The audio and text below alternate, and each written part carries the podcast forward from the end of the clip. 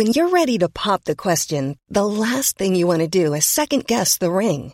At Bluenile.com, you can design a one of a kind ring with the ease and convenience of shopping online. Choose your diamond and setting. When you find the one, you'll get it delivered right to your door. Go to Bluenile.com and use promo code LISTEN to get $50 off your purchase of $500 or more. That's code LISTEN at Bluenile.com for $50 off your purchase. Bluenile.com code LISTEN. Hey, it's Ryan Reynolds, and I'm here with Keith, co star of my upcoming film, If, only in theaters, May 17th. Do you want to tell people the big news?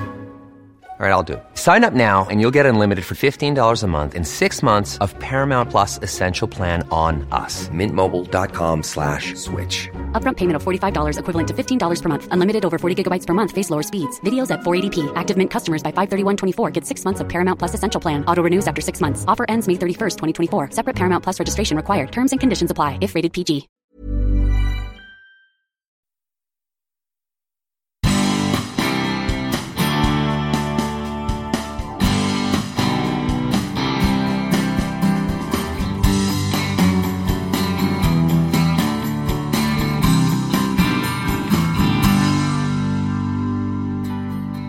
Nu börjar vi bli varma i kläderna i Halleluja Moments. I det här tredje avsnittet plockar vi fram några riktiga godbitar. Exempelvis Bengan Gustafsson, en gång en av världens bästa volleybollspelare, som pratar om tuffa ämnen som definitivt inte framkom i Mästarnas Mästare, där Bengan var med. Annie Seal berättar om när hon under Dakarrallyt hamnade med motorcykeln i ett gruvschakt. Och inte minst, drogexperten Kai Knutsen talar om energidrycker och marijuana som får dig att haja till. Men vi har fler godbitar från gästerna i avsnitt 21-30, så nu kör vi!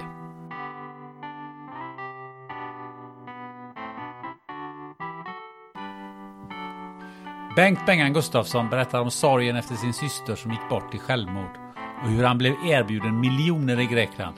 Pengar som visade sig vara en ren bluff.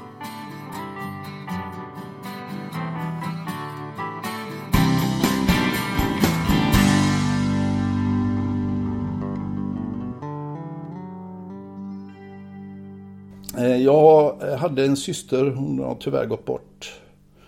Eh, Hon tog tyvärr livet av sig samma, samtidigt som planen körde in i World Trade Center så stod jag hemma hos mina föräldrar och de fick det beskedet. Och det var fruktansvärt. Oj. Bland det värsta jag varit med om faktiskt. Och, och, och, ja. Ja, det är fruktansvärt. ja, det var, det var, det var, Vilken det hemsk var dag. tungt. Ja, det var det. Helt, eh, helt enormt ja. Ja. Ja. Så det var, det, det var Hur- tufft. Hur ehm, kände, att det, känner du efteråt så här? Har det präglat dig på något sätt eller har det påverkat dig? Var det naturligtvis mer än att det påverkade dig?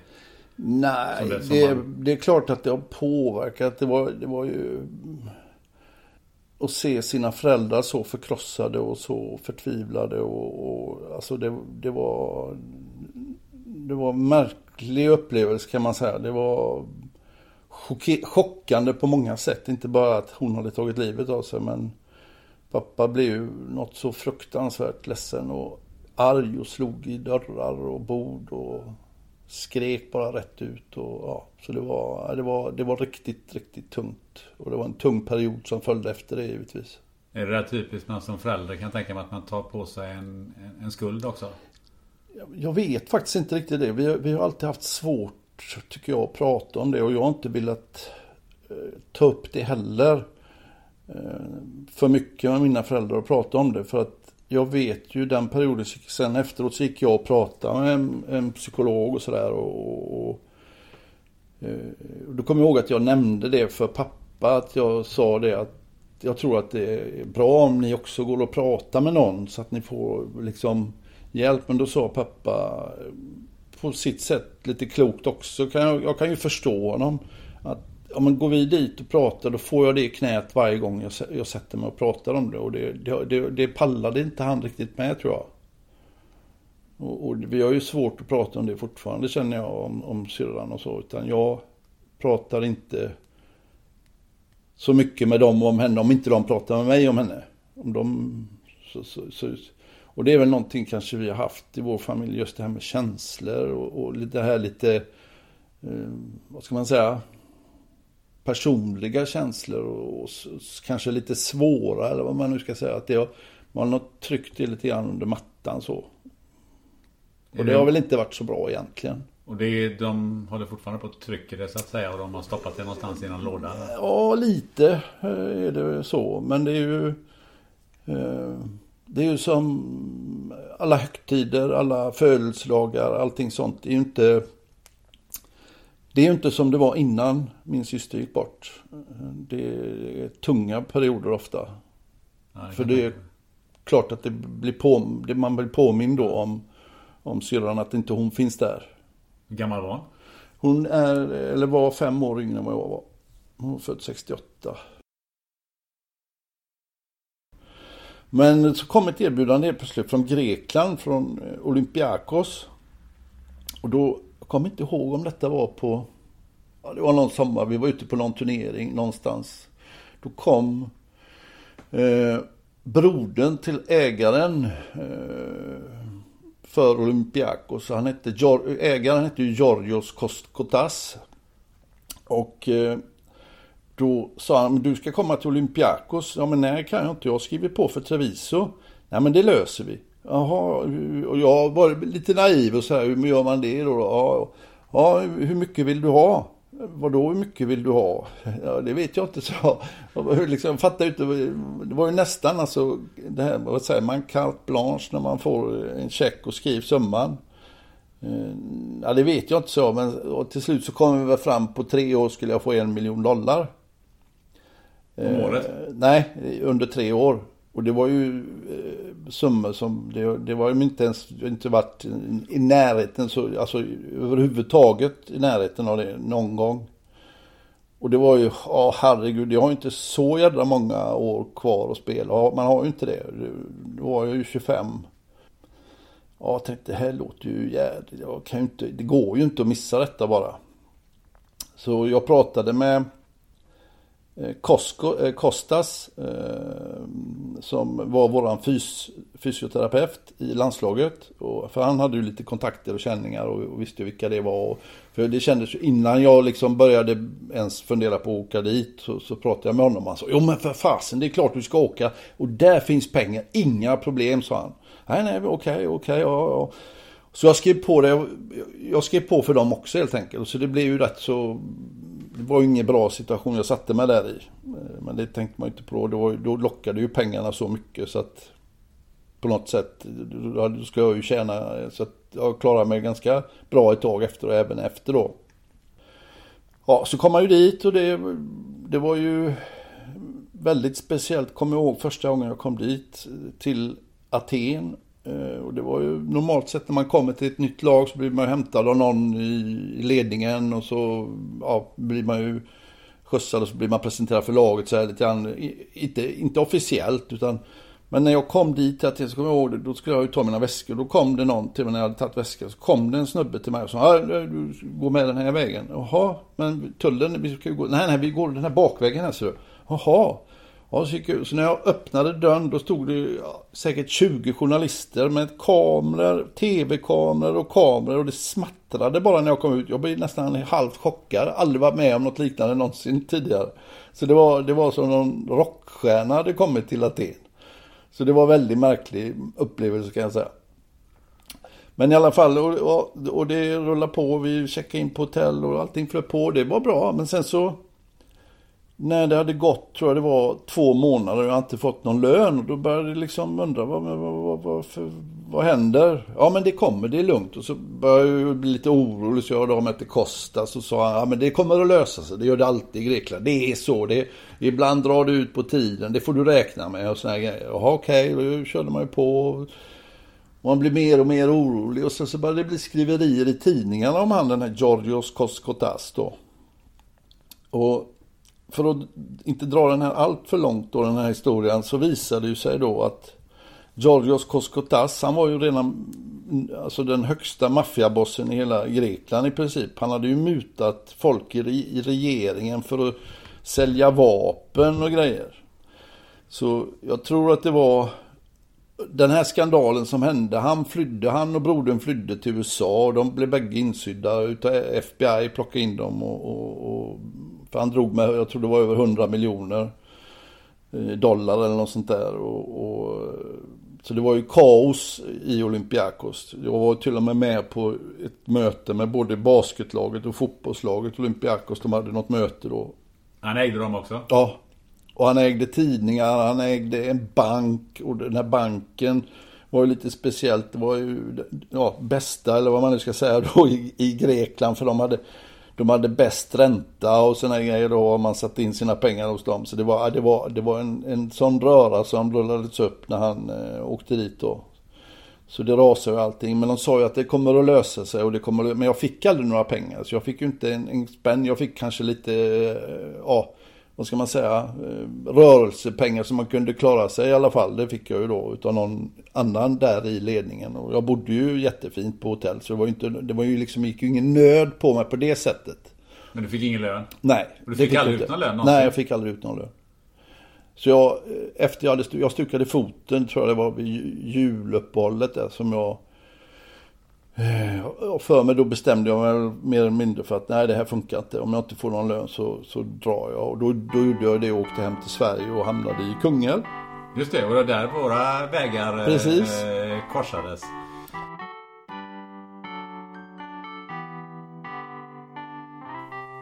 Agnes Hellström är ordförande i Svenska Freds och skiljedomsföreningen. Här berättar hon om hur tiden på internat la grunden för hennes djupa engagemang i fredsfrågorna men också hur överklassen reproducerar negativa normer och strukturer.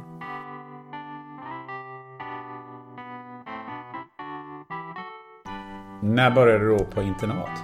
Och varför då? Ja, det var när jag var 16. Och eh, det var ju... Min mamma skickades till internat när hon var 11, samma internat. Hennes, eh, vad blir det, pappas, ja, hennes farfar var den största donatorn som möjliggjorde öppnandet av Sigtuna eller ja, SHL som det hette då. Det fanns två, två internat i Sigtuna under en period. Eh, så att det var ju givet att hon skulle gå där. Hon själv eh, lovade sig själv att aldrig någonsin skicka sina barn på internat och eh, klippte lite den länken. Så det var av nyfikenhet när jag började närma mig den åldern. Eh, att jag ville lite närma mig min mammas bakgrund tror jag. Jag ville gärna flytta från den lilla håla där jag bodde, där det inte fanns en gymnasieskola ens då. Det byggdes en sen.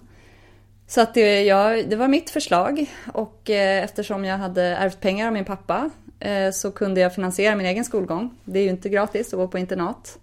Så där började jag och tänkte att alla skulle börja som blanka arkpapper och insåg att nej, här har alla vuxit upp och konfirmerats ihop. Eller väldigt många. Det fanns ju olika grupperingar kan man säga på internat. Men jag blev ganska eh, chockad och var ganska blyg också när jag började. Så att Eh, det tog lite tid att komma in i det. Vad var det som var bra på att gå på internat? Ja men det var ju sammanhållningen på många sätt. Att få bo i ett hus med 30 andra tjejer och få systrar som, eh, ja men att dela allt med. Och det är väl det jag kan känna, för när jag skrev böcker om internat så vill jag ju liksom debattera sakfrågan och de strukturer som jag tycker är väldigt, väldigt mycket baksidan av internaten. Som kamratuppfostran och de hierarkier som finns och, och den ja, men stängda värld som det på många sätt är. Så det var ju det dåliga. Men styrkan i det var ju just den här, så här enorma möjligheten som ändå är att samla massa unga personer på en plats. Vad, vad man kan ge varandra. Att liksom äldre skulle kunna stötta de yngre istället för att trycka ner de yngre till exempel. Och att det skulle kunna bli en, det som var syftet med riksinternaten, att det ska vara en trygg hemmiljö för de som inte har den möjligheten.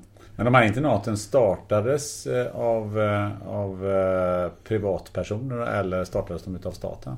Det fanns ju tre riksinternat när jag skrev böckerna. Och Lundsberg startades ju av en privatperson, en engelsman, en halvengelsman som ville ha en uppfostringsanstalt för unga pojkar. Och Sigtuna var ju också då Eh, det var väl Sigtuna stiftelsen tror jag, som, så den vilade på kristen grund från början. Eh, och sen var det ju Sigtuna skolan fanns också i Sigtuna som också var privat driven. Och Grännaskolan som ju mer var ett eh, försök att starta en internationell skola där du skulle kunna ta studentexamen på vilket språk du ville och, och en, ja, en samlingsplats för många olika nationaliteter. Så de, men de var ju utsedda av staten att vara den här, det var därför de kallades för riksinternat och det var det som jag också var väldigt kritisk mot, att de hade en särställning i internatskolevärlden utan att leva upp till det ansvaret. Men varför blir det en sån här sluten värld som nästan sätter sina egna regler och sina egna lagar och, och där det tillåts saker och ting som är fullständigt omöjliga i ett, mm. ute i ett samhälle? Alltså Lundsberg var ju direkt inspirerat av Eton i England. Och de engelska internatskolorna har ju verkligen den strukturen. Det är ju så det är uppbyggt. Att det också man måste ta stöd av eleverna för det finns inte tillräckligt många vuxna för att uppfostra barnen, tror jag är liksom grundtanken. Så då har du prefekterna, som är de äldsta eleverna, som har mest makt. Men sen blir det ju det här men, otroligt destruktiva rundgången som på Lundsberg till exempel, där det är för detta elever som sitter i ledningen, som tycker att det här ska vara som på min tid och det här är någonting som gör dig stark och du förstår hur samhället ser ut, att du börjar på botten och slutar på toppen. Medan jag kände att så här, men det är inte de företagsledarna vi vill ha som har den människosynen. Det, vi kan ju inte ha en, en sån att så här, du som är på botten är värdelös tills du kämpat dig upp till toppen. Det är ju tvärtom tycker jag att det borde se ut. Att ju mer makt du har desto mer ödmjukhet måste du visa. För du har ju sagt så här att eh, eh här reproducerar sig överklassen, eller reproducerar, re, här reproducerar överklassen normer och strukturer som används i maktutövande mot människor som inte har samma ekonomiska förutsättningar. Mm. Kan du beskriva det lite grann? Gud, när sa jag det där? Vad spännande. Det är så kul när det dyker upp citat som jag har sagt. Nej, men att det som jag kände var ju att när jag gick där så var det en bubbla där människor, mina vänner, sa, trodde att det var ett tvärsnitt av befolkningen som gick där. Att vi inte vi var privilegierade mer än någon annan. Att det var samma kamp som fördes för, för oss som för andra människor i att nå dit vi ville. Så att eh, den, liksom lite människofraktet, för att hårddra det, kring att, att fattiga är fattiga för att de inte anstränger sig tillräckligt. Att ha, ha med sig det ut i en värld utanför, det skapar ju eh, ja, incitament för att, att någonstans hålla nere löner till exempel, eller eh, eh, se ner på personer som inte har samma status som jag till exempel. Så att det, det jag önskar mig är ju någonstans en ja, men en jämställd värld. Och just att det fanns så lite inblick och också ganska cementerade så här, könsnormer på internatet och att många av mina tjejkompisar inte hade några ambitioner kanske att, att bli högutbildade karriärister utan snarare eh, mer eh, ja, eh, hemmafru-hållet. Så att det fanns en, en, bristande självkänsla hos många av oss tjejer i att vi, vad vi ens kunde uppnå. Vi fick gå kurser i vett och etikett, hur vi skulle föra oss på middagar. De var inte killarna på. De kurserna. Så att, det kan eh, man se resultatet av nu om ett annat fall. det är precis därför är den där. Eh, nej men eh, så att det, det, alltså, det var så mycket. Men att när jag gick där så, så tror jag att jag, jag tyckte om det jättemycket och det var först tio år efteråt som poletten föll ner att jag hade gjort resan från offer till förövare som alla andra. Jag invigde också de, ny, ny, ja, de nya eleverna när jag gick i trean. Jag tyckte att det här var en, en bra grej, en tradition, även om jag protesterade mot många saker och, och var ganska motströms på många sätt. Så hade jag också blivit hjärntvättad, eller vad man säger. Så att då bestämde jag mig för att någonstans, det var väl en självrannsakan på ett sätt, men också ett försök att försöka förändra det här. Och att det krävs en inifrån röst med ganska hög status som jag då hade tack vare min släkts inblandning i skolan. För att kunna få till någonting, för annars, annars avfärdas du som, ja, men kan du ge några exempel på hur det här reproducerar sig idag i, i det vi ser idag i dagens samhälle bland företagsledare och så vidare? Kan du ge några exempel på Oj. händelser eller vad du ser att eller beteenden som du känner igen? Wow, vilken svår fråga, men bra fråga. Men jag, jag, jag vet, jag, det är svårt att komma på någonting, men det jag ofta tänker på när jag åker till Saabs bolagsstämma är ju att styrelseordförande i Saab är ju en gammal klasskamrat inom citationstecken, det är så vi kallar oss, alla vi som gått på internat tillsammans, till mig. Som har valt att kanalisera sin makt och sitt inflytande i att leda en Sveriges största vapenproducent. Det, för mig är det någonstans att så här, det finns ett sjukt stort ansvar i att ha, få, att ha allt det vi får på internat. Men att de flesta blir eh, tränade i att så här, det handlar om att, att eh, göra så mycket vinst som möjligt eh, på det jag har fått med mig och att inte riktigt tänka in alla andra människor som inte har samma förutsättningar i hur man agerar utanför skolan. Sen är det klart att det finns jättemånga som, som väljer andra vägar och eh, som eh, använder sin, ja, alla verktyg vi fått där på andra sätt. Men eh, att någonstans ha en Ja, men att, att få en grundsyn att du ska se ner på människor som har lägre status än du, det är inget, inget bra om du vill skapa en, en eh, värld och ett samhälle där alla har samma värde och rättigheter.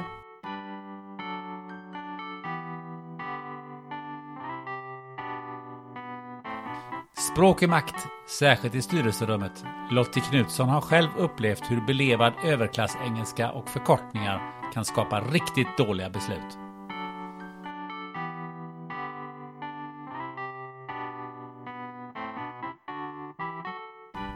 Är de här eh, som sitter i styrelserummen som är English native, är de medvetna om att de har en, Eh, en fördel i det? Nej, men min erfarenhet generellt är att, generellt är att det inte är så. Det märker man ju väldigt tydligt. Jag har jobbat internationellt och då satt man ju där i dessa telefonmöten. Det var inte alltid man åkte över. Då satt man där i telefonmöten. och Då satt ju ett gäng engelsmän som är oerhört elokanta. De låter ju så intelligenta och smarta och duktiga tills man ser vad de levererar. Men det, det, missar man ju som svensk. Man känner ju till slut att man sitter ibland och bara, gud jag har ju inte rätt att sitta här och stjäla syret. För jag är ju ingen yrkesmänniska jämfört med de här proffsen. Tills man förstod vad de pratade om, vad det var för satsning eller investering och, och det var ju bara jättedåligt allting. Men det lät ju som att de var liksom Guds gåva till mänskligheten. De är väldigt verbala väldigt vana att uttrycka sig. Så satt man där i telefonmöten, då sa jag till några gånger, satt de med en padda. Men de satt ju bredvid varandra, för det var ju liksom huvudkontoret. Så där satt ju sex, sju personer. Så satt vi liksom, svensken och dansken och tysken och Bellman. och lite dålig telefonlina och de engelsmännen pratade i mun på varandra. Det är klart att vi andra hamnade i underläge. Och det är rätt vanligt. Volvo vet jag för många, många år sedan enligt sägnen införde liksom Göteborgssvengelska som koncernspråk. Just för att eh, jag, jag, hörde skvaller någon gång om att eh, H&M i sin engelska verksamhet där blev folk som var ditskickade förbjudna att ta möten i sittande, eh, ta beslut i sittande möten eftersom eh, de blev omkullsnackade av engelsmännen fast de egentligen var skitkompetenta. Så att, eh, det här är skrönor, du får ta det för vad det är men jag tror att det, alltså språk är makt. Eh, och eh, och då, då, måste man känna att man inte känner sig allt för mycket som kusinen från landet. Nu gör jag det fortfarande rätt mycket kan jag säga, men egentligen tror jag att man måste nästan bo i ett land eh, eller, eller plugga där i några år, eh, så som jag gjorde med franskan.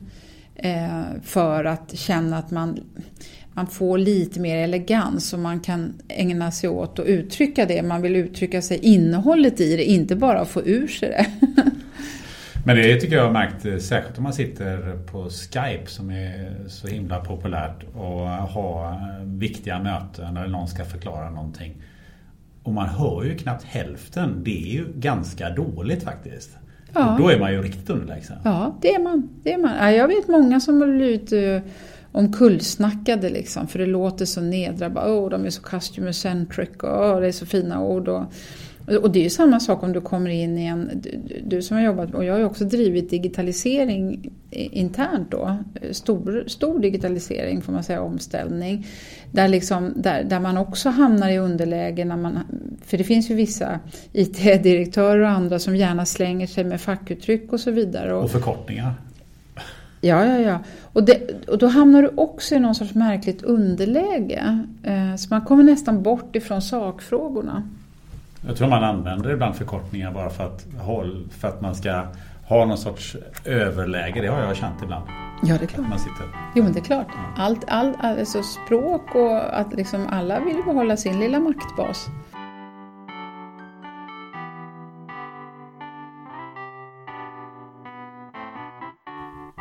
Hur ska man planera sina inköp för att man ska klara portionen under tian? Hanna Olvemark guidar dig i butiken och ger heta tips som hjälper dig att välja rätt.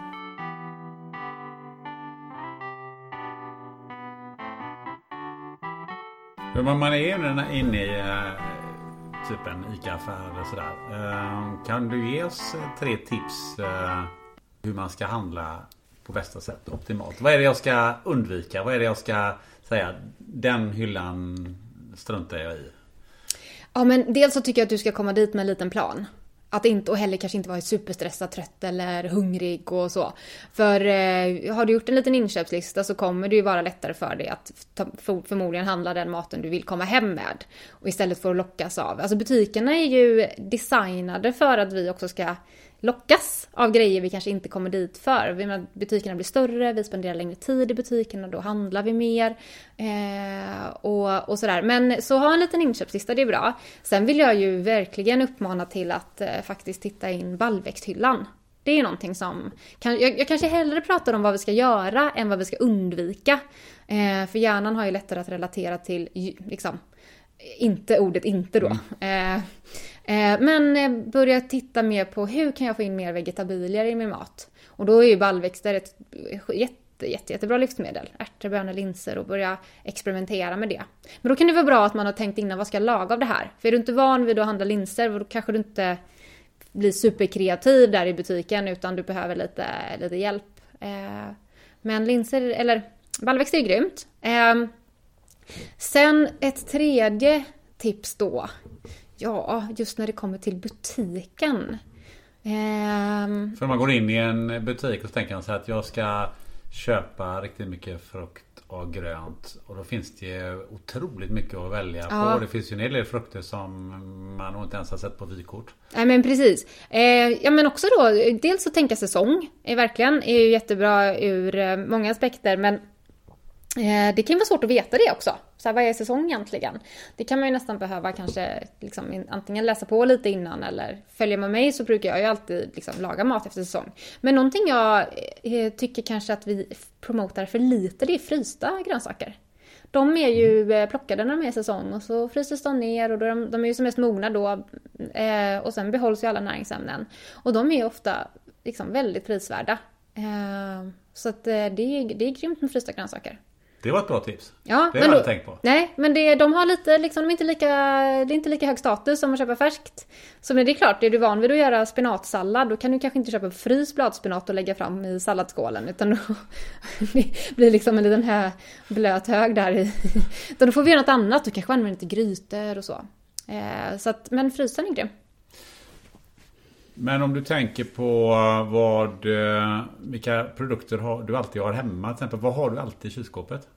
I kylskåpet har jag alltid morötter. Det är liksom en basvara för mig. Eh, jag har också alltid någon typ av havredryck. Så jag dricker inte mjölk utan jag dricker havredryck framför allt. Eh, sen har jag alltid lök och vitlök. Det är ju så här mina favoritsmaksättare nästan om jag ska generalisera. Buljong har jag alltid hemma. Eh, men sen i skafferiet då, där har jag alltid någon typ av baljväxt, linser eller så.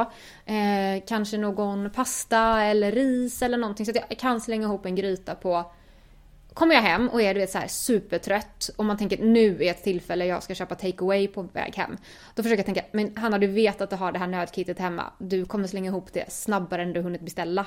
Och så har jag mat på typ 10 minuter, en kvart. Och nötkittet består av? Det består av det jag sa. Morötter, lök, någon buljong, eh, pasta eller ris eller matvete, mathavre, eh, linser, krossade tomater och sen lite kryddor. Och sen är det, får Ja, man men upp de har alltid en gryta. Och det är kanske inte det jag skulle så här, äta varje dag. Det kan så här, linsgryta kan ju låta lite tråkigt. Men, eh, men det, jag tycker att det är, det är grymt att bara slänga ihop. Eller en linspasta. Eh, Men vad har du i frysen? frysta grönsaker. Eh, någon maträtt, för jag försöker alltid frysa in någon, någon extra, att man alltid har en nödmaträtt hemma också. Eh, som man bara kan värma upp. Eh, sen har jag alltid frysta bär i frysen. Jag brukar eh, göra lite smoothies och så på morgonen. Eh, ja, det är väl typ det. Lite du vet så här svinngrejer. Har jag ätit grönkål så sparar jag stjälkarna och så kan man hacka ner dem och ha ugnsrosta. Kan man äta dem? Ja, de kan du äta. Jaha, vad gör man då? Ja, de är, på grönkålsskälkar tycker jag att det är supergott. Det finns lite olika grejer. Men du kan hacka dem eh, och sen så marinerar du dem i typ lite soja, ingefära, chili och lime och så bara steker du det. Det är som en grym wok-grej. Eller så bara ugnsrostar du dem med lite salt och olja och så blir de grymt goda. Vilket tips! Ja, ja men sånt så, här, så jag försöker ta tillvara på liksom det mesta. Eh, har jag lite ost över, vet så här, sista skalken, fryser man ner den perfekt att ha till pajen. Eh, har, man, har jag druckit vin, det gör jag inte så ofta längre, men eh, då fryser jag gärna ner lite vin om det blir över, bra bas, såsbas och sådär. Eh, så det ligger lite sådana restgrejer hemma i min frys.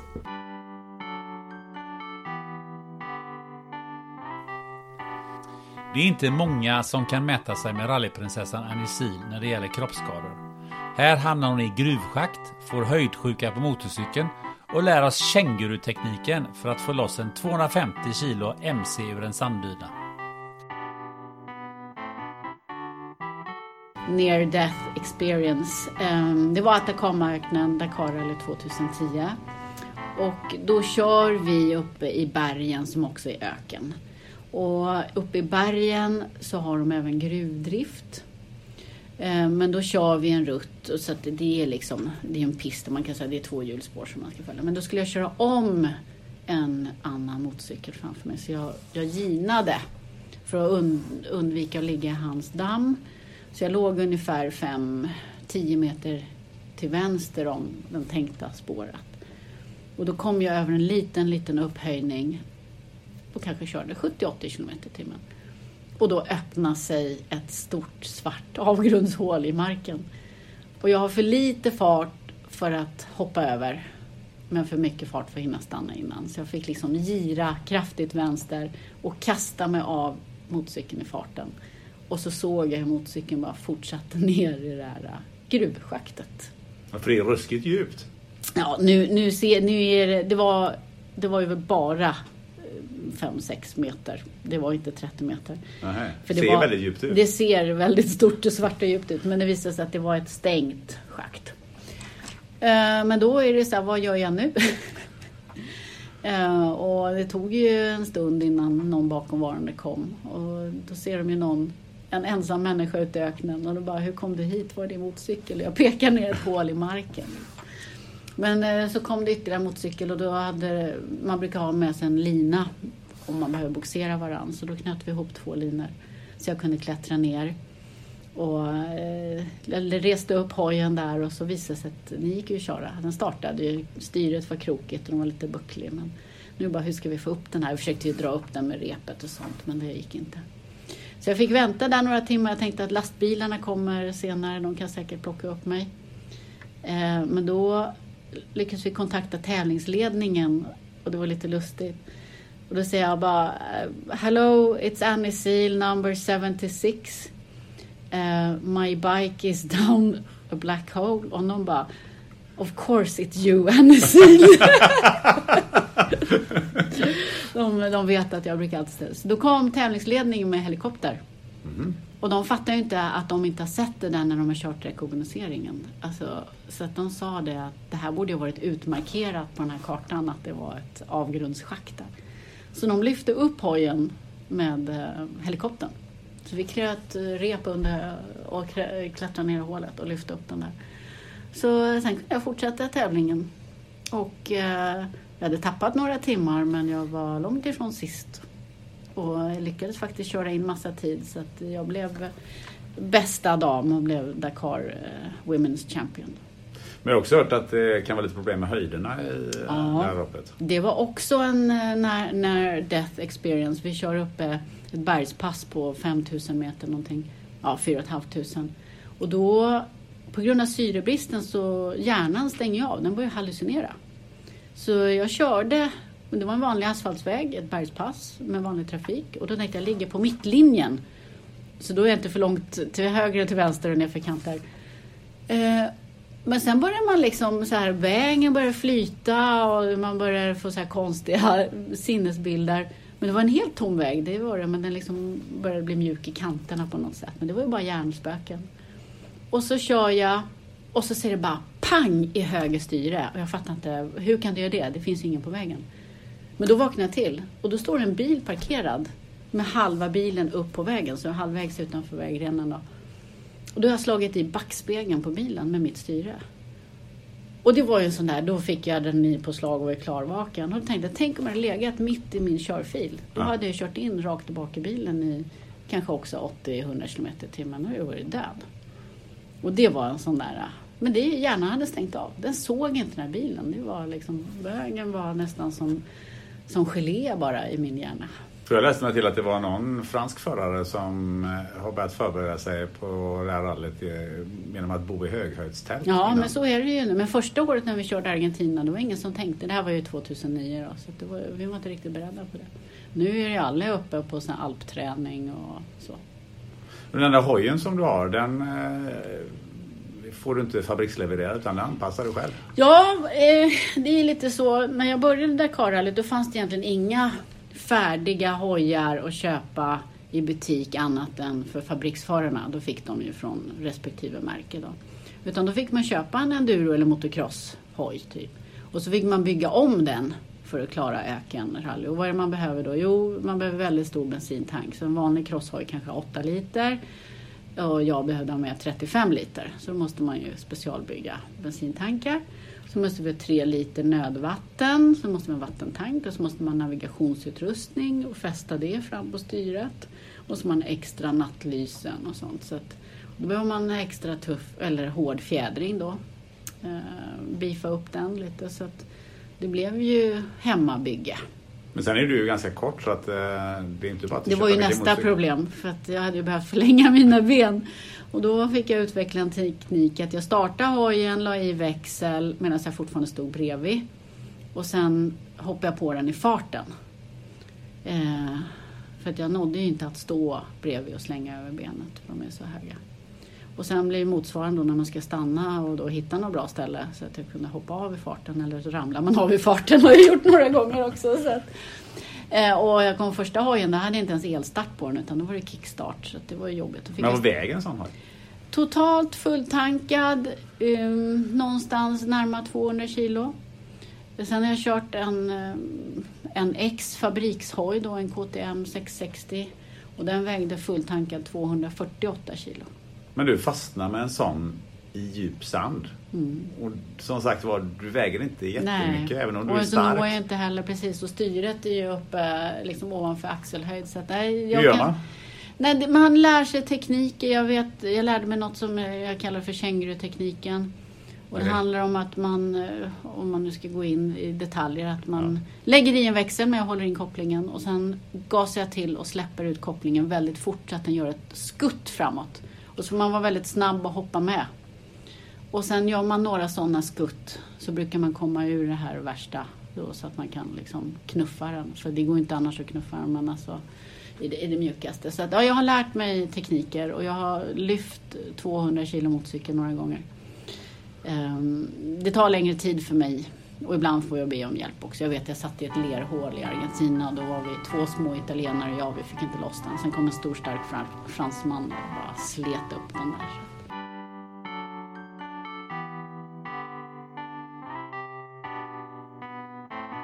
Christer Samuelsson är IT-experten som hjälper dig att fixa lösenord som är svåra att knäcka och hur du hanterar mail som berättar om att du har vunnit en miljon utan att ha varit med i lotteriet.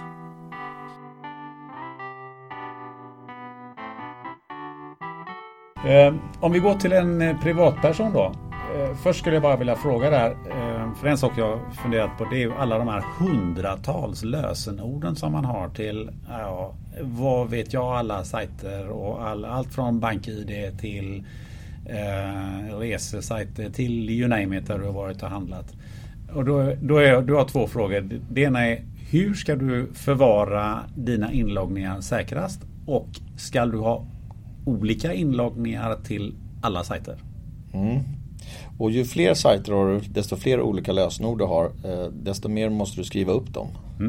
Eh, och då, blir de just, då är det liksom lyft på tangentbordet så ligger alla där i en lista. Det finns också appar du kan ladda ner där du har, lägger in alla dina lösenord. Då kan man säga, men vad händer om någon tar den appen då? Ja, då får du reda på alla dina lösenord. Så det där är, är ju ingen lätt fråga. Eh, men min rekommendation, för jag har faktiskt en rekommendation där, det är ju att man det är ju att man använder sig av meningar. De flesta tänker sig, jag har lösenord och då använder jag liksom min sons namn och så blir det Ville 88. Det är ett bra lösenord, det kommer jag ihåg. Och så byter jag bara lite nummer där någon gång för jag kommer alltid ihåg min son. Eh, men om du använder dig av första bokstaven i en mening. Eh, jag tycker om semester eller någonting. Någon fras eller jag gillar att vindsurfa. Sen tar du första bokstaven i dem. Så blir det ett lösenord som är nästan helt omöjligt att knäcka. Det ska inte säga omöjligt men det blir väldigt svårt. Om du skriver ner det på en eh, mening och så tittar du på det här vad det blir för någonting. Så blir det väldigt svårt att lista ut vad du har för lösenord. Eh, däremot så vet ju du din mening.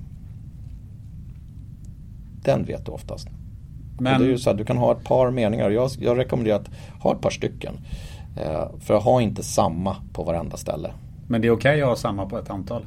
Ja, det ty jag tycker det. Ja, för att det kommer alltid till den här, någonstans har du användarvänlighet kontra säkerhet. Eh, och ju säkrare vi har tenderat att göra saker desto svårare är det att använda. Och så är det med allt vi gör. Vi, vi kan göra internetsajter som är extremt svåra att logga in sig på för de har så hög säkerhet så att det är ingen som kan logga in sig på dem. Eh, men, och så går det tvärtom då så blir det väldigt lätt då, eh, på vissa delar. Så att någonstans måste du ha en balans där. Så jag tycker att, att du kan inte kräva idag att du har olika lösningar på varenda sajt. Det går inte för då, då, då blir det väldigt många meningar. Då är du snart uppe i en bok. Ja, så att jag skulle nog rekommendera att du har några av detsamma. Sen kan jag eh, säga så här också, sen, har, sen ska du nog välja vilka du har samma på. Du, du, måste ju själv också värdera med sunt förnuft. Är det här verkligen sånt som jag är rädd att någon annan tar över? Hur ofta ska man byta de här? Oftast får du väl i de flesta system så säger man ju till att man ska byta, i alla fall i företagsvärlden så är det en gång i månaden eller en gång varannan månad och sånt där. Ja men inte om du men inte, på... inte i den riktiga världen, där byter man inte särskilt ofta. Och min rekommendation är väl att du, du kan ha det, beroende oftast på vilken sajt och givetvis då, men, eh, men byter varannan månad kanske. Det är så pass ofta alltså? Ja det tycker jag. Det finns ju många som är, de flesta och jag inkluderad, byter nog nästan alla lösenord. Ja. Och det är inte bra. Nej, det är inte bra. Definitivt inte bra för att då vet du inte heller om någon annan har kommit åt det lösenordet. Eh, så kan de ju faktiskt logga in sig fast om inte du vet om det. Eh, och det är inte speciellt bra. Nej. Men, eh, men så att säga, värdera också sajten. Är du rädd att förlora den här informationen som finns på den här sajten. Då tycker jag du ska byta rätt ofta. Och likadant om du misstänker att det är någon som har loggat in sig. Jag har sett i några sådana här om det varit Facebook-inlägg där företagsledare har skickat ut massa dum information eller skrivit dumheter och sen så när de säger att Eh, det, oj, nu har jag blivit påkommen och säga det, det var inte jag, det, det var någon annan som har snott det här lösenordet. Alltså det kan du säkert komma undan med en gång. Men sen måste du nog bara skärpa och byta dina lösenord lite oftare. Så att det, det där blir en undanflykt som snart du inte kan komma med. Eh, det, det, det, är en gång vi går tillbaka till det jag pratade om. Ett ansvar som vi alla medborgare måste ta. Vi måste bli bättre på det här. Vi måste bli mer informerade. Vi måste agera lite bättre. Om alla böt sina lösenord lite oftare på de här stora eh, sajterna som vi oftast alla har samma lösenord på. Eh, så skulle du inte heller ha så mycket attacker där, där man, där man kommer åt lösenord. Har du någon mer sak som du tycker du ska skicka med en privatperson eh, för att eh, på ett väldigt enkelt sätt öka sin IT-säkerhet? Ja, ja jag, jag vill alltid, jag, det sunda förnuftet. Det är det som jag verkligen trummar för. Eh, är någonting för bra för att vara sant så är det förmodligen så. Jag har haft samtal med några som har ringt och sagt att Eh, kan du tänka dig att ha vunnit en miljon kronor på ett lotteri jag inte ens var med i. Och bara allt de säger frasen så inser de att nej det här kan ju inte vara sant. Nej, det är ju inte sant. Om du inte varit med i lotteriet så har du förmodligen inte vunnit heller. Eh, och man, blir inte, man vinner inte bara miljoner rakt av hejvilt. Hej, jag Ryan Reynolds. På Mint Mobile, we like to do the opposite of what Big Wireless does. They charge you a lot. We charge you a little. So naturally, when they announced they'd be raising their prices due to inflation, we decided to deflate our prices due to not hating you. That's right. We're cutting the price of Mint Unlimited from $30 a month to just $15 a month. Give it a try at mintmobile.com slash switch. $45 up front for three months plus taxes and fees. Promo for new customers for limited time. Unlimited more than 40 gigabytes per month. Slows. Full terms at mintmobile.com. Hi, I'm Daniel, founder of Pretty Litter. Cats and cat owners deserve better than any old fashioned litter. That's why I teamed up with scientists and veterinarians to create Pretty Litter. Its innovative crystal formula has superior odor control and weighs up to 80% less than clay litter. Pretty Litter even monitors health by changing colors to help detect early signs of potential illness. It's the world's smartest kitty litter. Go to prettylitter.com and use code ACAST for 20% off your first order and a free cat toy. Terms and conditions apply. See site for details. A lot can happen in the next three years. Like a chatbot may be your new best friend. But what won't change? Needing health insurance. United Healthcare Tri Term Medical Plans are available for these changing times. Underwritten by Golden Rule Insurance Company, they offer budget friendly, flexible coverage for people who are in between jobs or missed open enrollment. The plans last nearly three years in some states, with access to a nationwide network of doctors and hospitals. So, for whatever tomorrow brings, United Healthcare Tri Term Medical Plans may be for you. Learn more at uh1.com.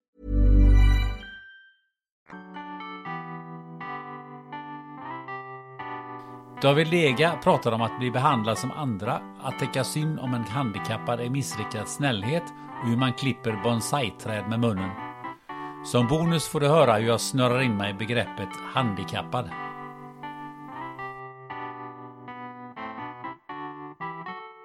En grym livsresa. Ehm, Förstår du det själv? Ehm, ja, ibland kan man bli lite nostalgisk när man tänker på hur det var. Så jag satt och kollade nu på det här eh, TV4-programmet som går, Vinnarskallar. Med gamla paralympier och handikappidrottare Mm. som ehm, tävlar. Mm. Och de visar mycket bilder från deras barndom. Och de är ju min generation, de som är med nu. Och just när man ser gamla bilder från sjukhus och sjukgymnastik och träning. Och det blev lite känslosamt faktiskt att se, för man tänker att det är så långt från det livet jag lever idag. Tack vare att jag gjorde den träningen och tack vare att jag tränade upp min kropp så pass mycket som jag gjorde. Så pallar jag ju att leva ett ganska fritt liv från sjukvård och sjukgymnastik idag. Även om jag är för tjock, men det blir ju så när man lägger av. Ja, men det är du ju inte ensam om. Nej, men det är ingen ursäkt. Eh, men eh, är, tycker du att det här är ett bevis på att alla kan bara de vill? Eller hur, hur, hur ska man se dig som förebild? Nej, jag tänker mer så här att alla har någon inneboende kraft och kan göra mer än vad man själva tror.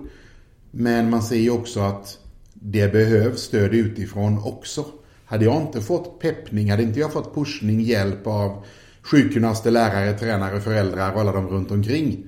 Så hade det inte hjälpt hur mycket drivkraft jag själv har. Så att jag, jag tror inte på det där du är otrolig grejen, du är fantastisk. Det, det är mer, det är tack vare att alla runt omkring mig har gjort rätt. Men är det lite en, en förmåga som duktiga chefer också har att umge sig med rätt människor som faktiskt hjälper en?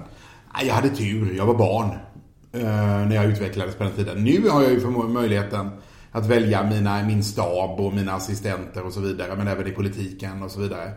Men när man är liten hade man ju turen att ha tränare som både sa du är duktig, du är grym, men också skärp dig, det här var för dåligt, gör om, du kan bättre. Och balansgången mellan de två är det som för en framåt. Ja, det förstår jag. Alltså, jag hörde något föredrag med dig för ett antal år sedan. Eh, Och då sa du att en av de viktigaste sakerna som grundlade dina framgångar Det var att man behandlade dig som andra och inte tyckte synd om dig. Nej, för tycka synd om kan ju bli en missriktad snällhet nästan. Att om alla kommer fram till mig och frågar hur mår du, hur känns det, hur går det? Så visar det ju empati, det är viktigt. Men det lär ju mig också som barn att något är fel. När jag egentligen inte vet varför jag borde vara ledsen. För att jag vet ju inte vad jag har missat. Och det är den balansgången. Hur, hur hjälper vi folk? Hjälper vi folk genom att... Ja men titta på alla nyanlända som kommer nu.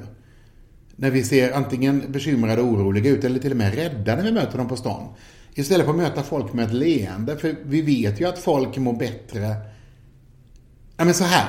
Om alla säger till mig att jag är glad, positiv och duktig, då blir jag glad, positiv och duktig. Om alla säger till mig att jag är ett problem, ett bekymmer eller en kostnad, det är klart jag blir det. Jag formas ju av dem runt omkring mig och där är vi lite för dåliga när det handlar om att forma andra människor idag.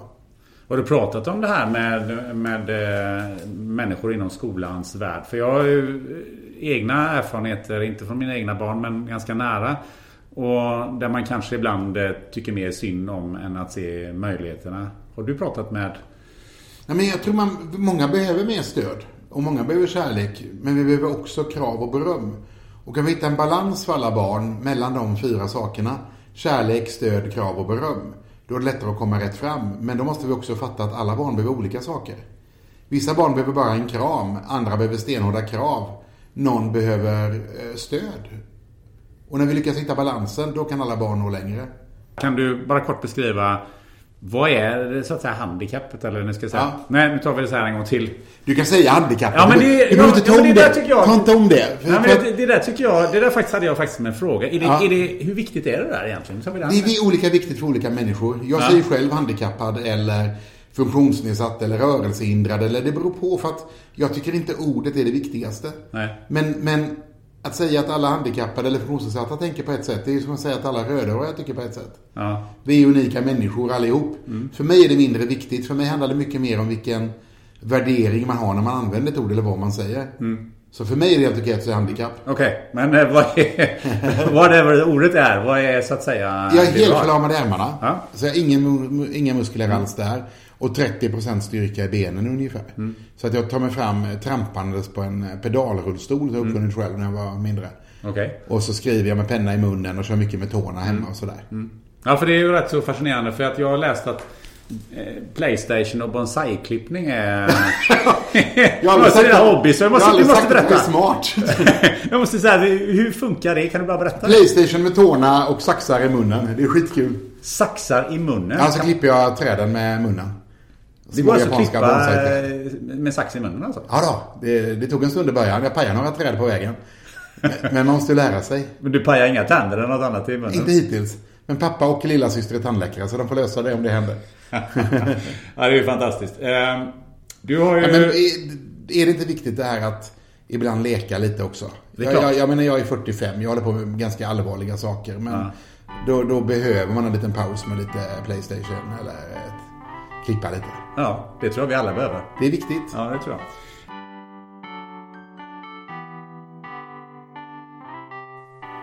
Kalmar Foresters ambition är att bara vara lycklig. Här tar hon dig med från resan från att hon knappt kunde gå till brevlådan till att plötsligt förstå att nomad är den optimala livsstilen.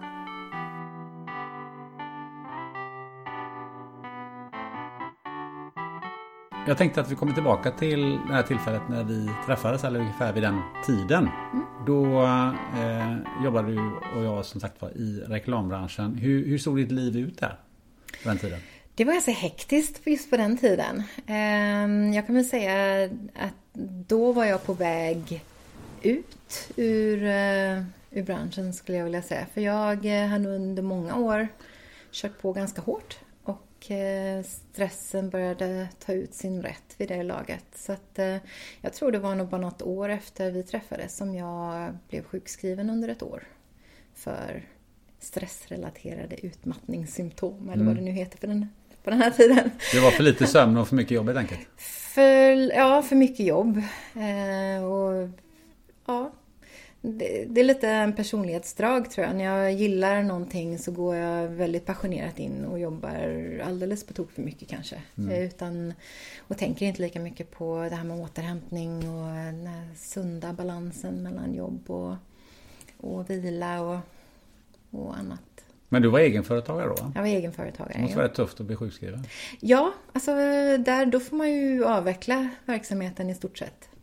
Så att där, det var väl en process då att kunna känna att man eh, kan släppa kunder. För det är ju lite av en anledning att man eh, kanske bränner ut sig. Att man har ett eh, kanske lite för påtagligt ansvarstagande eller ansvarskänslor för andra människors eh, produkter eller företag, alltså de kunder man har åtagit sig uppdrag för. Eh, och då, eh, ja, men som sagt, en väldigt klok vän till mig sa en gång, eh, hon sa det att ingen tackar dig för att du bränner ut dig. Så du måste ta hand om dig själv. Så sant. Det är många som borde lyssna på det där. Mm. Ja, och jag skulle ha lyssnat eh, lite mer ordentligt och lite tidigare tror jag på det För det var rådet. någon som sa till dig. Mm.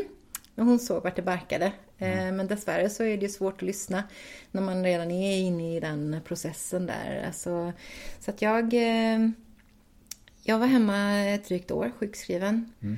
Och det var väl på väg tillbaka från den eh, sjukdomen som jag hittade den här vandringen. Att det blev det, den räddande receptet för mig. Hur gick det till?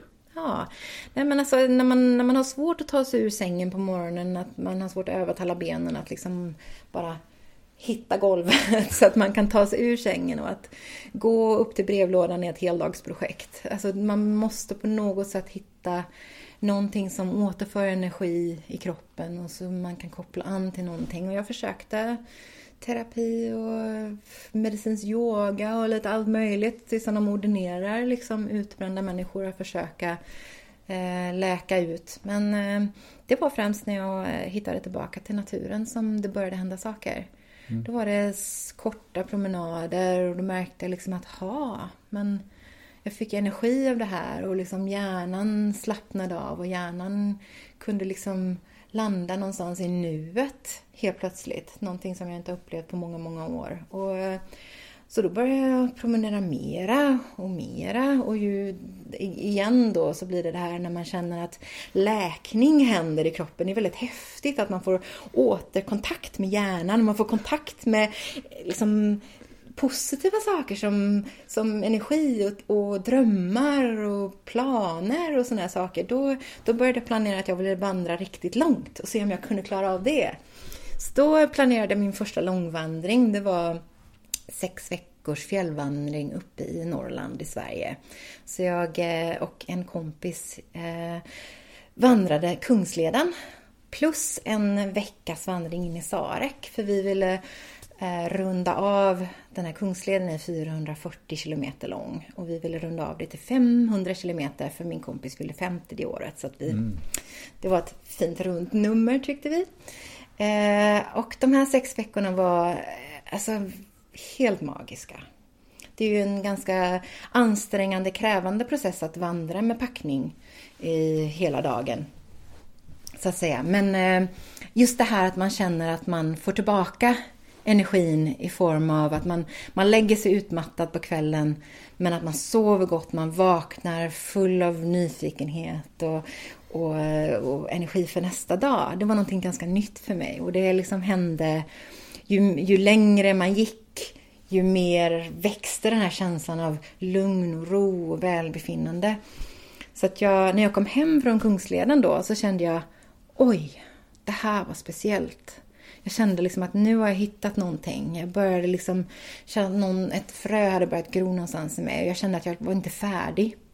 Så att eh, jag, jag, ville, jag vågade liksom inte. Det, det kändes som att det var ett skört ägg. Ett litet, litet fågelägg som jag var tvungen att vårda på något vis. Om jag hade bara stannat då och försökt gå tillbaka till något jobb eller någonting, då hade det här sköra lilla ägget nog brustit igen. Det kändes som det var något så otroligt viktigt och så otroligt skört.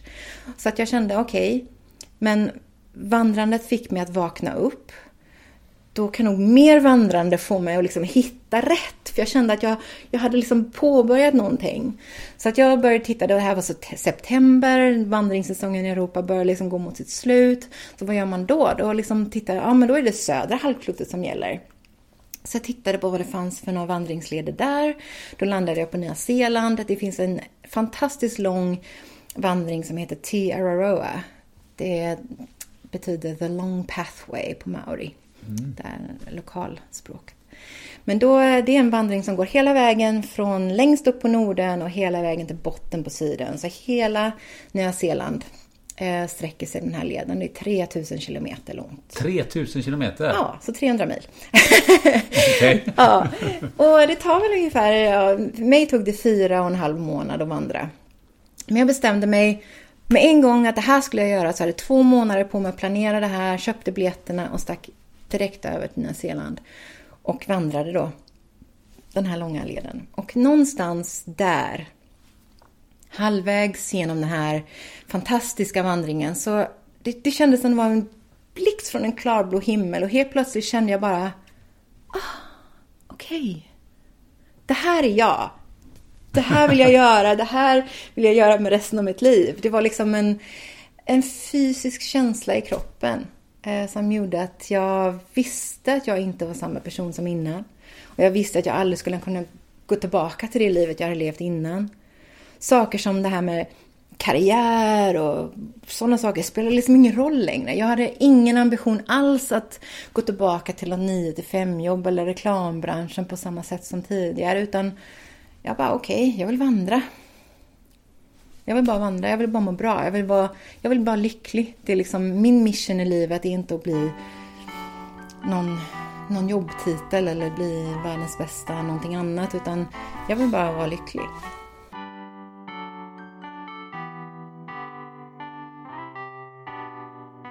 Är du konsument av energidrycker som Red Bull och Nocco som tycker att marijuana borde legaliseras? Då ska du definitivt lyssna på vad drogexperten Kai Knutsen har att säga.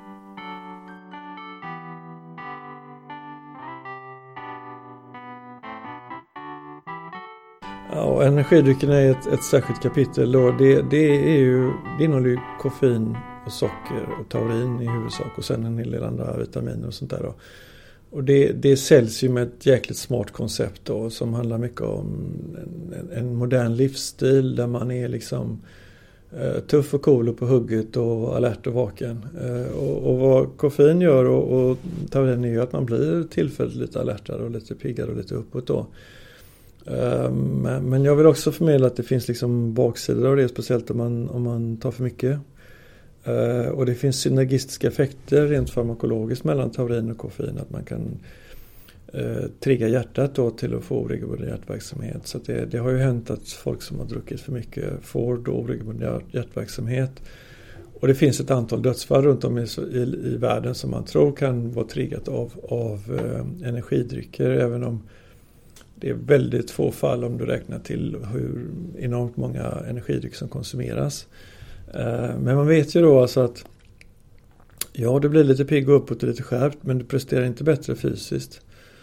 Eh, och mentalt kan man kortvarigt förbättra sina resultat men samtidigt är det så här att det leder ju till en speedad tillvaro där du liksom ska gå omkring i ett hyperaktivt tillstånd eh, Eh, över hela dygnet i stort sett och det kan leda till sömnsvårigheter, det kan leda till dåliga kostvanor och det kan leda till att blodsockret åker upp och ner.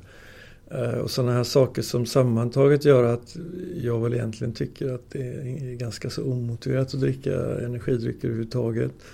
Eh, det är farligt kanske, lite grann i alla fall, att dricka det regelbundet och ofta och det är definitivt inget som jag tycker är bra för ungdomar. Eh, för ungdomarna så, så är det det här med att det kan leda till liksom att de jämt och ständigt är speedade, de får dåliga kostvanor, de får sömnsvårigheter och det kan ju i sin tur då leda till liksom att man får eh, svårare med, med eh, sömnen och man blir rastlös och ofokuserad och, och, och, på det viset så kan det ge problem. Eh, det pågår också forskning kring på, på, på djur kring hur koffein plus taurin påverkar beroendecentra i hjärnan där man tror att man liksom triggar de centra på ett sätt som gör att hjärnan sen blir mer känslig för, för andra substanser som är beroendeframkallande som till exempel alkohol. Då. Eh, plus att, att energidrycker konsumeras ju också mycket ihop med alkohol och, och då vet man det att när man blir lite pigg uppåt av de här energidryckerna så känner man inte alkoholens sömngivande effekter på samma sätt så att man dricker mer. Eh, man får ett kraftigare rus, man blir oftare berusad, de som då dricker energidrycker. Och de liksom hamnar i problem och svårigheter oftare, till exempel misshandel, slagsmål, eh, trafikolyckor, mm, sådana saker. Man kör oftare, eh, olovlig körning. Allt sånt är visat att det finns ett samband med, med konsumtion av energidrycker jämfört med om man bara dricker alkohol, alltså kombinationen jämfört med enbart, så finns det en sån skillnad som är negativ för energidryckernas del. Då. Så det är ju liksom ingen hälsodryck med andra ord? Nej, det är ingen hälsodryck och, och, och, när det gäller vuxna så är det väl i alla fall viktigt att man, man får med sig den kunskapen så man vet vad man gör då. Eh, jag såg senast i förrgår var det en tjej som hade druckit typ sex, sex enheter per dag under en längre period och så fick hon då förmaksflimmer och sen fick hon ett AV-block som det heter i hjärtat när inte retledningen fungerade som fick en pacemaker i unga år.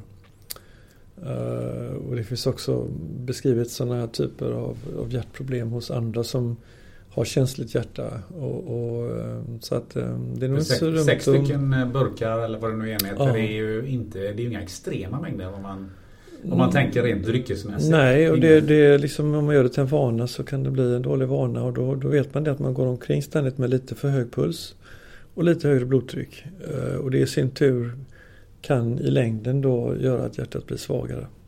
Men du har ju varit med också och eh, eh, faktiskt eh, jobbat för att reglera Ja. åldersgränsen Ja. till 16 år är det nu Ja. Eh, precis och eh, vi gick ut med det där och, och fick i alla fall ett positivt gehör från alla handlare. eh, om att man skulle ha en åldersgräns för försäljningen. Den är ju inte det är inte genom lag så att det är ju liksom en frivillig åldersgräns för handlarna då. Eh, 16 eller 18 år, det varierar men man kan ju köpa det i automater som inte frågar efter åldern till exempel. Och, och du kan köpa det på ställen som inte frågar efter åldern då. Bensinmackar till exempel och så.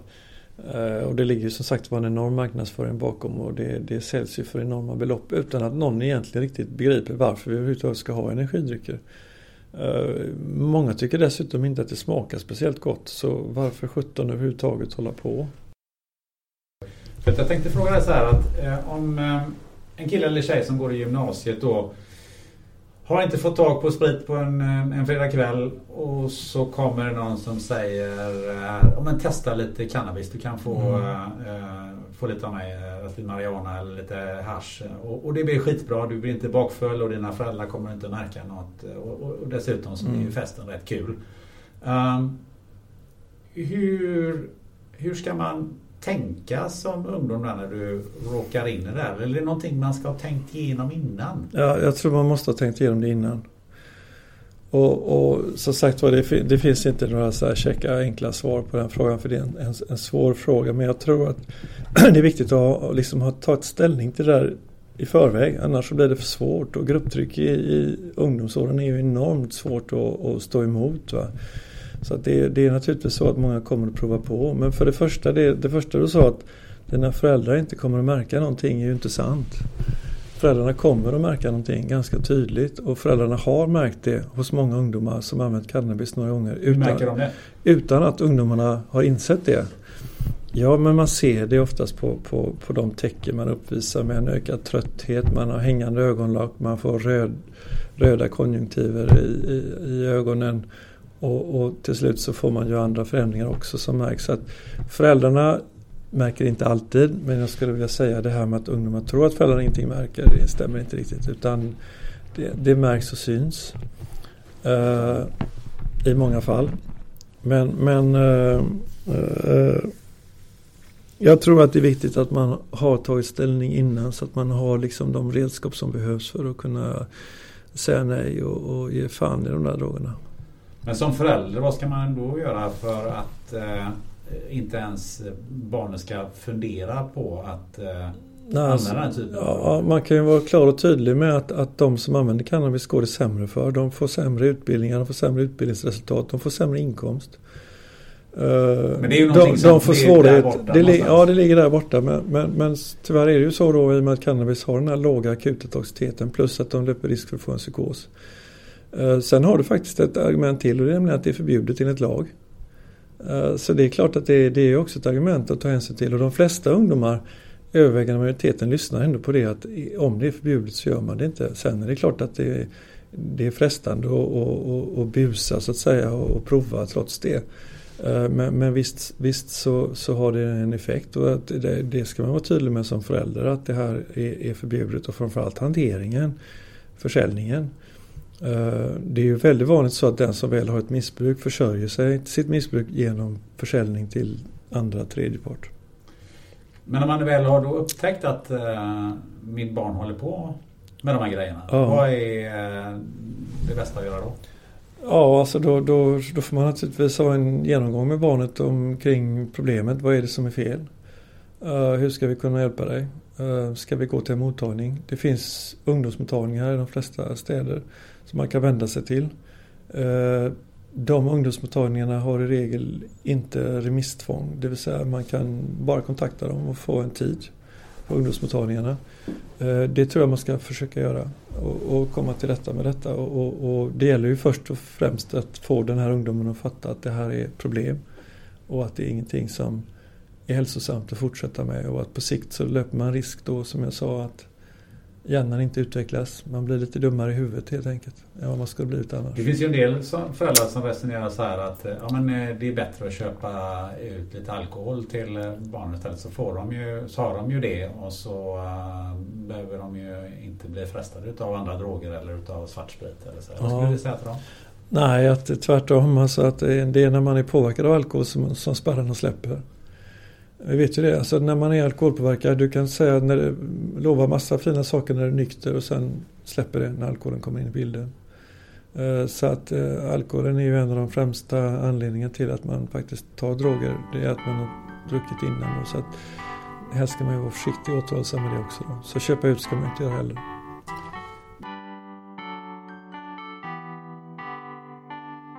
Före detta fotbollsproffset Lisa Ek föddes 1982 när Italien vann fotbolls-VM och döptes därför i San Pellegrino mineralvatten. Här förklarar hon kärleken till Italien och till sin avlidne pappa som alltid är med henne på och utanför plan. Om jag ens skulle kunna välja att lämna den utan att det berodde på en skada. Så att det kändes verkligen som att jag var klar. Och att cirkeln var sluten efter de där 27 åren av att vänta på att bli proffs i Italien. Men du, eh, Italien och den här kärleken till Italien, den började ju inte i och med att du flyttade till Fiorentina utan det var någonting som började när du var barn? Ja, det började egentligen... Eh, ska man gå riktigt långt tillbaka så började det ju med... Min pappa älskade Italien. Och han älskade Italien för att när han var fem år gammal så var han där och hälsade på sin morbror som bodde i Italien under några år. Och då blev han kär i Italien. Så att när jag föddes och skulle döpas så blev jag döpt i San Pellegrino mineralvatten. I, min, I mineralvatten? Ja. Eh, för pappa tyckte så mycket om det italienska mineralvattnet. Så det var någonting som hälldes upp i domfölten då? Ja, eller? precis. precis.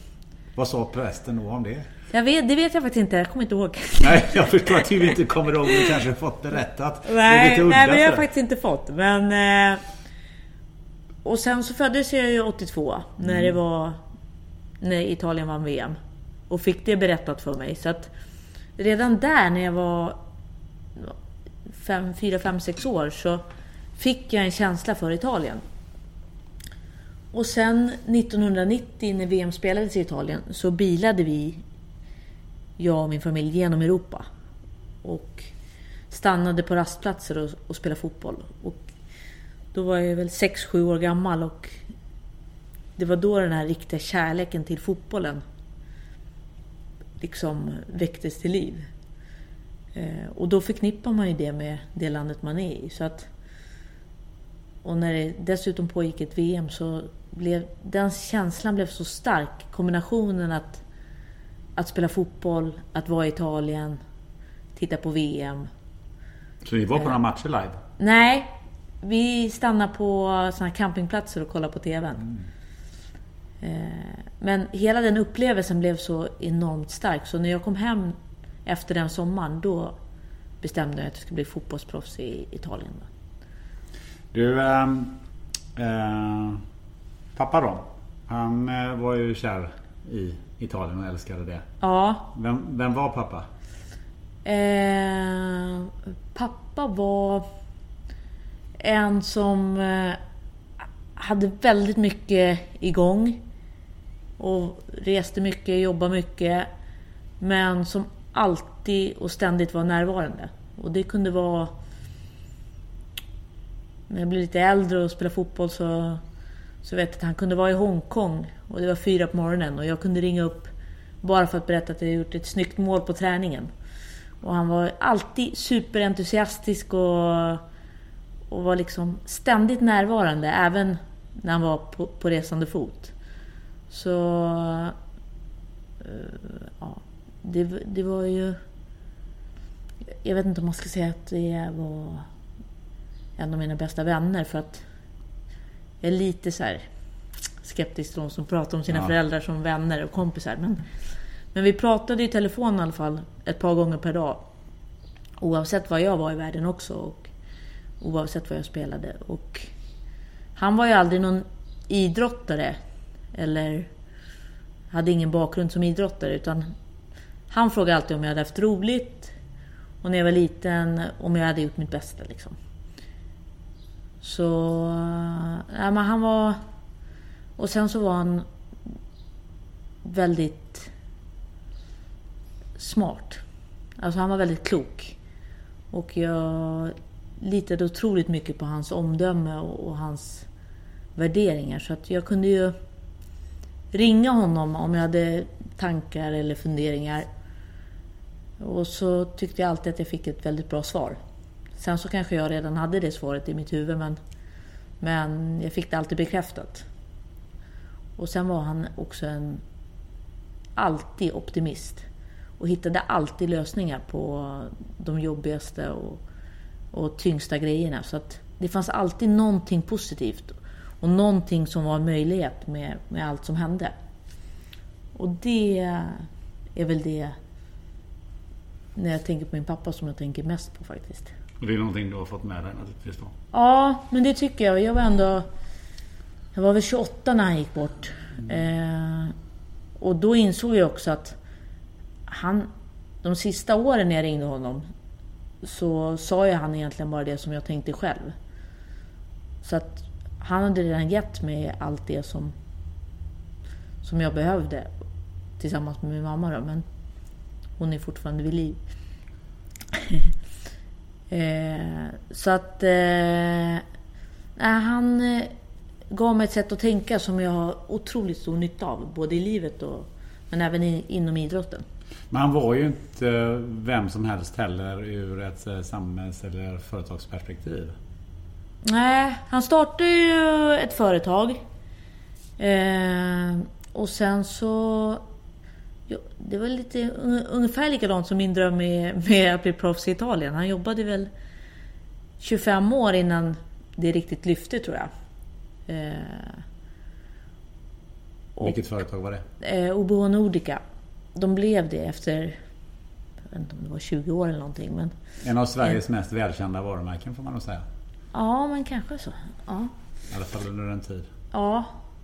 Eh, så, men han var alltid så här att det här ska man bara göra om man tycker att det här är roligast i världen. Tycker man det är roligast i världen att spela fotboll, då är det det man ska göra. Så att vi var ju aldrig riktigt involverade i företaget på något sätt. Eller, och jag, jag ville ju alltid spela fotboll och min bror tyckte om att hålla på med musik. Och min lilla syster tycker om att sälja kläder. Så att vi blev aldrig riktigt involverade i det på något sätt.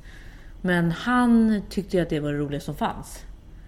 Eh, och jag tror det var därför det gick så bra också. För att han tyckte det var skitkul helt enkelt. Men han, när man startar eller har ett sånt här företag som är extremt expansivt under en, under en period.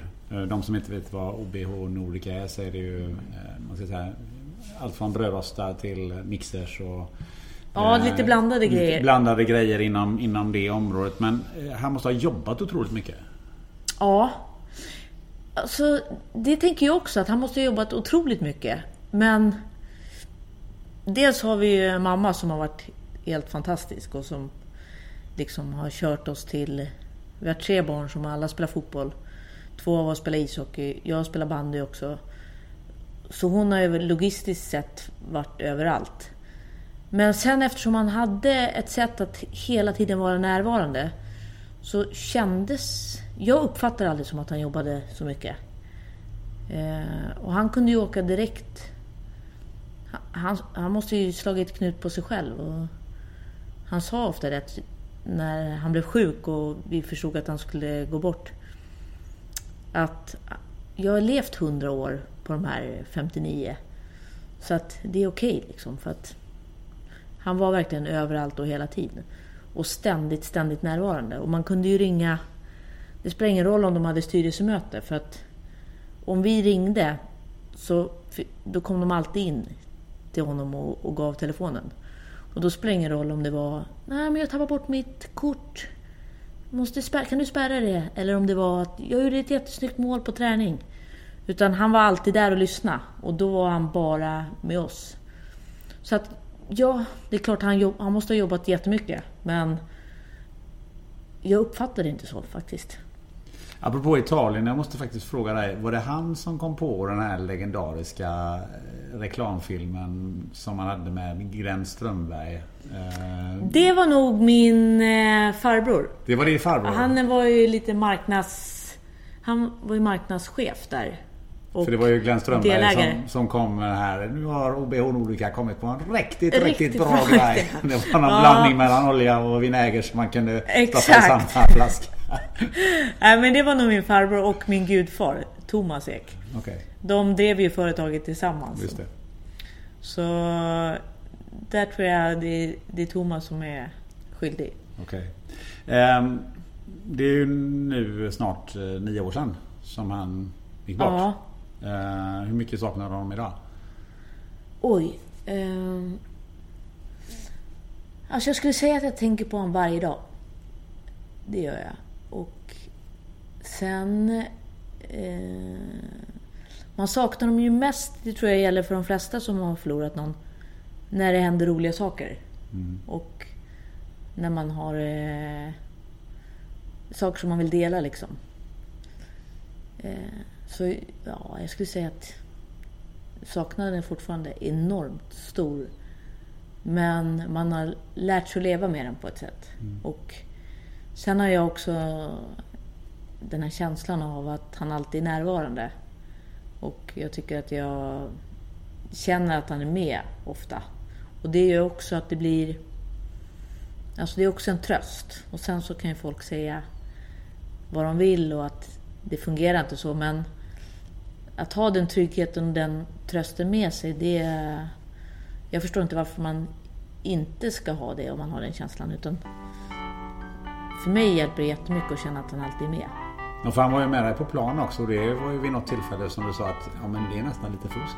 Ja, jag kände nog nästan så. Och det är också eh, mental träning kan jag tänka att om man tror att man ska att man inte kan misslyckas för att man har med sig någon då, då lyckas man ju. Vi jobbar ständigt med att utveckla podden. Vi vill ge dig fler spännande gäster, tätare lansering av avsnitten och ännu bättre produktion. För att göra det krävs ekonomiska resurser. Så om du gillar spännande möten och vill låta podden bli en del av din marknadsföring eller bara vill sponsra podden privat, hör av dig till mig på gunnar.östreich.se eller via sociala medier. Sugen på att höra mer och utforska andra avsnitt? Ja, då är det bara att gå in på någon poddapp som exempelvis Spotify, söka på spännande möten och hitta det du är intresserad av.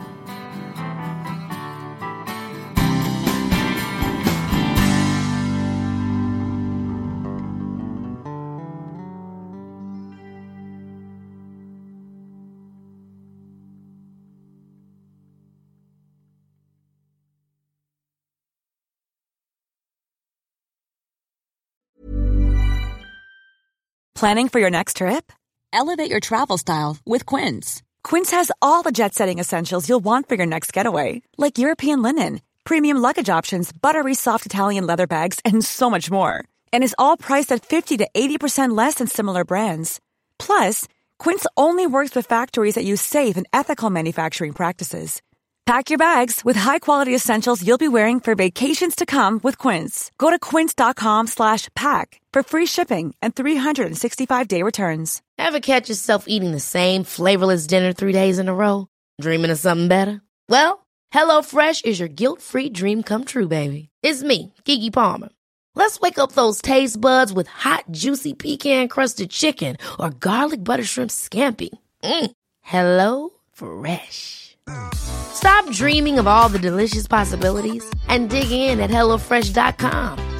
Let's get this dinner party started.